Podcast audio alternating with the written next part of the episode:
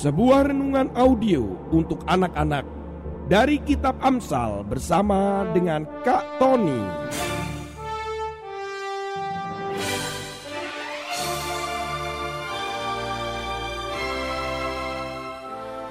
Audio inspiring message for kids. Selamat menikmati dan mendengarkan.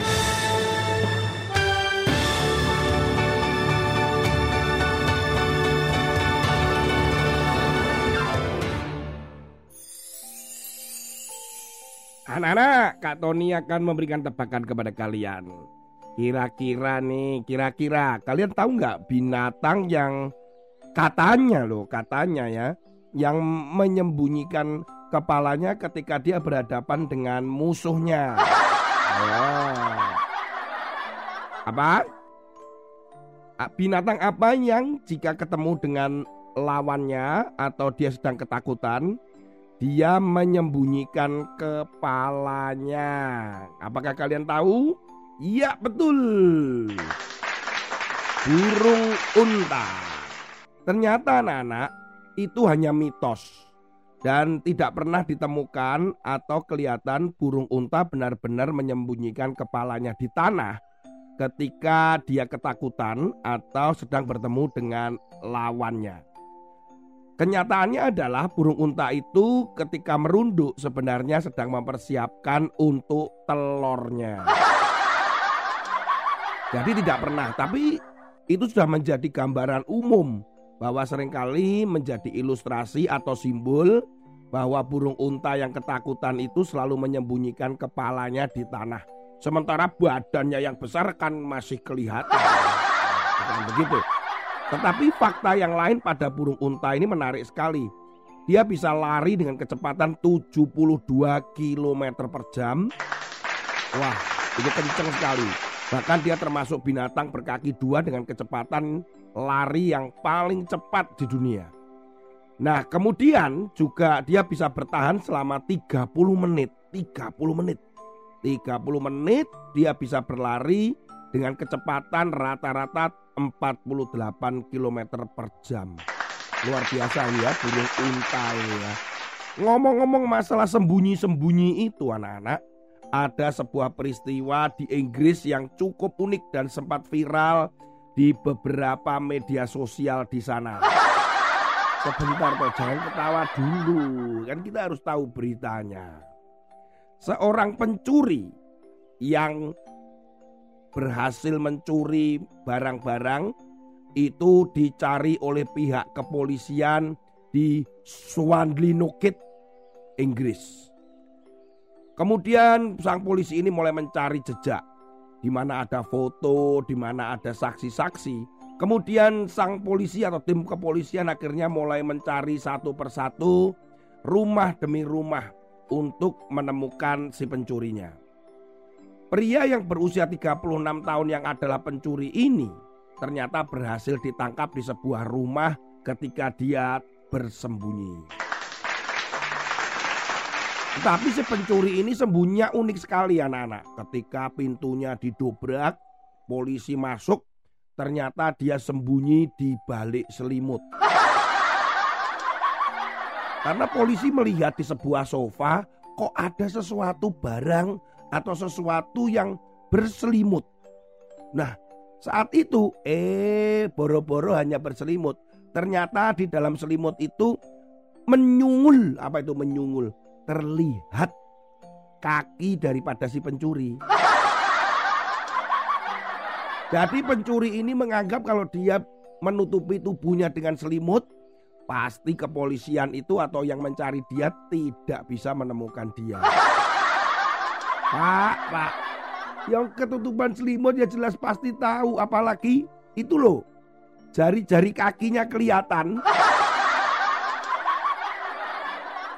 Sersan dari salah satu polisi itu mengatakan begini dalam candaannya. Eh, dia tahu lari dari kejaran polisi itu capek. Makanya dia bawa selimut. Sekalian untuk persiapan di penjara. Itu adalah kebodohan daripada si pencuri itu. Yang namanya mencuri itu sembunyinya juga dengan cara begitu ya anak-anak ya. Firman Tuhan hari ini kita baca di dalam Amsal pasal 13 ayat yang ke-16. Orang cerdik bertindak dengan pengetahuan, tetapi orang bebal membeberkan kebodohannya. Pernahkah kalian mendengar istilah namanya smart? Smart itu mungkin berbeda dengan pintar. Ya, smart itu orang yang cerdik. Artinya bisa menggunakan sesuatu itu dengan sangat kreatif sekali ilmunya dan sehingga dia cerdik sekali. Firman Tuhan juga pernah dikatakan di dalam perjanjian baru dikatakan bahwa engkau harus cerdik seperti ular, tulus seperti merpati. Ternyata kecerdikan itu juga diperlukan anak-anak. Lu kok ular ya Kak Tony? Ya memang ular dianggap binatang yang cerdik. Kalau di Indonesia itu binatang cerdik dianggap itu adalah si kancil. Nah begitu ya. Nah firman Tuhan katakan orang yang cerdik bertindak dengan pengetahuan. Jadi menggunakan ilmu pengetahuan dengan belajarnya itu bisa juga jadi cerdik. Kak Tony ingat sekali ketika suatu kali Kak Tony itu belajar tali temali Di saat Kak Tony aktif di pramuka Kak Tony belajar bagaimana membuat simpul, bagaimana membuat simpul itu menjadi lebih kuat, lebih kuat dan bisa bertahan. Tetapi dengan mudah, karena biasanya orang itu membuat simpul sederhana-sederhana dan biasanya itu-itu saja. Kak Tony mempelajari itu. Suatu hari ada mobil mogok. Nah saat itulah Kak Tony menggunakan ini dengan kecerdikannya. Dan saat mereka mau menyimpul, Kak Tony berkata, cara menyimpulnya bukan begitu. Saya akan buat simpul yang sederhana tetapi kuat. Wah, orang-orang yang melihat itu kaget juga. Wah, Kak Tony senang sekali. Menggunakan ilmu simpul dari tali itu, akhirnya Kak Tony bisa membuat simpul pada mobil dan akhirnya mobil itu bisa ditarik dengan mobil lain dan selamat. Anak-anak, Seringkali kita menggunakan ilmu hanya sebuah hafalan demi hafalan, mengerjakan ini, mengerjakan itu. Kalian tahu atau tidak bahwa ilmu-ilmu yang kalian pelajari itu suatu hari akan digunakan. Dan dengan cerdik kita bisa menggunakan untuk kebutuhan menolong orang, kepentingan orang lain. Tetapi hati-hati anak-anak. Jangan kita terus kemudian menyembah ilmu pengetahuan itu menjadi seperti Tuhan dan yang paling hebat. Bukan begitu. Ilmu pengetahuan itu hanya sekedar alat bantu kita. Tetapi yang paling hebat tetaplah Tuhan Yesus, Tuhan kita.